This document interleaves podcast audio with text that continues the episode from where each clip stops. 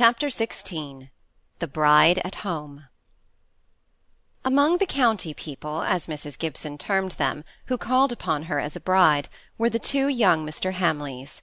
The squire, their father, had done his congratulations, as far as he ever intended to do them, to Mr. Gibson himself when he came to the Hall; but Mrs. Hamley, unable to go and pay visits herself, anxious to show attention to her kind doctor's new wife, and with perhaps a little sympathetic curiosity as to how Molly and her stepmother got on together, made her sons ride over to Hollingford with her cards and apologies. They came into the newly furnished drawing room, looking bright and fresh from their ride; Osborne first, as usual, perfectly dressed for the occasion, and with the sort of fine manner which sat so well upon him; Roger, looking like a strong built, cheerful, intelligent country farmer, followed in his brother's train. Mrs. Gibson was dressed for receiving callers, and made the effect she always intended to produce, of a very pretty woman, no longer in her first youth, but with such soft manners and such a caressing voice, that people forgot to wonder what her real age might be.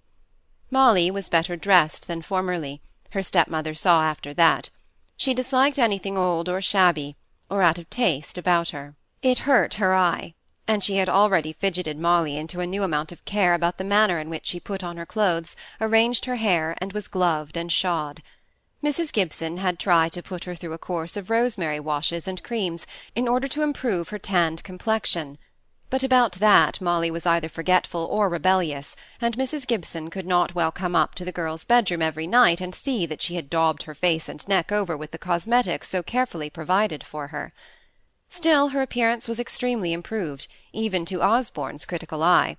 Roger sought rather to discover in her looks and expression whether she was happy or not; his mother had especially charged him to note all these signs. Osborne and Mrs. Gibson made themselves agreeable to each other according to the approved fashion when a young man calls on a middle-aged bride. They talked of the Shakespeare and musical glasses of the day, each vying with the other in their knowledge of London topics. Molly heard fragments of their conversation in the pauses of silence between Roger and herself. Her hero was coming out in quite a new character; no longer literary or poetical or romantic or critical, he was now full of the last new play, The Singers at the Opera. He had the advantage over Mrs. Gibson, who in fact only spoke of these things from hearsay, from listening to talk at the Towers, while Osborne had run up from Cambridge two or three times to hear this or to see that wonder of the season but she had the advantage over him in greater boldness of invention to eke out her facts, and besides she had more skill in the choice and arrangement of her words, so as to make it appear as if the opinions that were in reality quotations were formed by herself from actual experience or personal observation; such as, in speaking of the mannerisms of a famous Italian singer, she would ask, "Did you observe her constant trick of heaving her shoulders and clasping her hands together before she took a high note?" Which was so said as to imply that Mrs. Gibson herself had noticed this trick. Molly, who had a pretty good idea by this time of how her stepmother had passed the last year of her life, listened with no small bewilderment to this conversation, but at length decided that she must misunderstand what they were saying, as she could not gather up the missing links for the necessity of replying to Roger's questions and remarks. Osborne was not the same Osborne he was when with his mother at the Hall. Roger saw Molly glancing at his brother. "You think my brother looking ill?" said he, lowering his voice. "No, not exactly." "He is not well. Both my father and I are anxious about him. That run on the Continent did him harm instead of good, and his disappointment at the examination has told upon him, I'm afraid." "I was not thinking he looked ill, only changed somehow. He says he must go back to Cambridge soon. Possibly it may do him good; and I shall be off next week. This is a farewell visit to you, as well as one of congratulation to Mrs. Gibson." "Your mother will feel you're both going away, won't she? But of course young men will always have to live away from home." "Yes," he replied. "Still she feels it a good deal, and I'm not satisfied about her health either.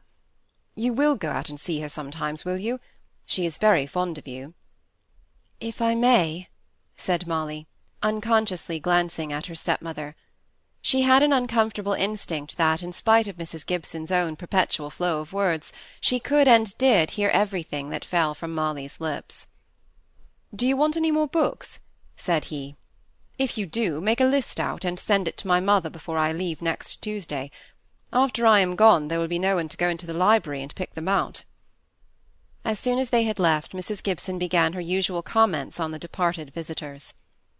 I do like that Osborne Hamley. What a nice fellow he is! Somehow I always do like eldest sons. He will have the estate, won't he? I shall ask your dear papa to encourage him to come about the house. He will be a very good, very pleasant acquaintance for you and Cynthia. The other is but a loutish young fellow, to my mind. There is no aristocratic bearing about him. I suppose he takes after his mother, who is but a parvenu, I've heard them say at the Towers. Molly was spiteful enough to have great pleasure in saying, I think I've heard her father was a Russian merchant, and imported tallow and hemp. Mr. Osborne Hamley is extremely like her. Indeed! But there's no calculating these things. Anyhow, he is the perfect gentleman in appearance and manner. The estate is entailed, is it not? I know nothing about it, said Molly. A short silence ensued. Then Mrs. Gibson said, do you know, I almost think I must get dear papa to have a little dinner party, and ask Mr. Osborne Hamley. I should like to have him feel at home in this house. It would be something cheerful for him after the dulness and solitude of Hamley Hall, for the old people don't visit much, I believe. He's going back to Cambridge next week, said Molly. Is he? Well, then, we'll put off our little dinner till Cynthia comes home. I should like to have some young society for her, poor darling, when she returns. When is she coming?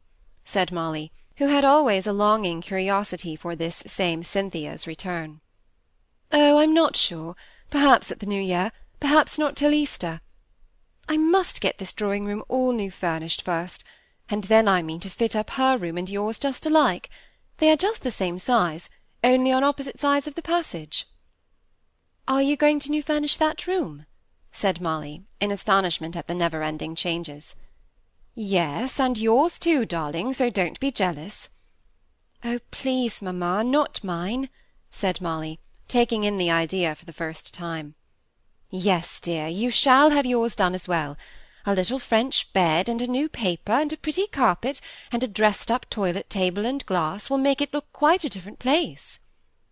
But I don't want it to look different. I like it as it is. Pray don't do anything to it. What nonsense, child! I never heard anything more ridiculous. Most girls would be glad to get rid of furniture only fit for the lumber-room.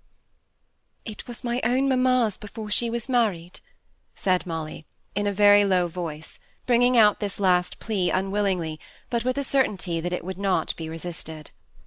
Mrs. Gibson paused for a moment before she replied. It's very much to your credit that you should have such feelings, I'm sure.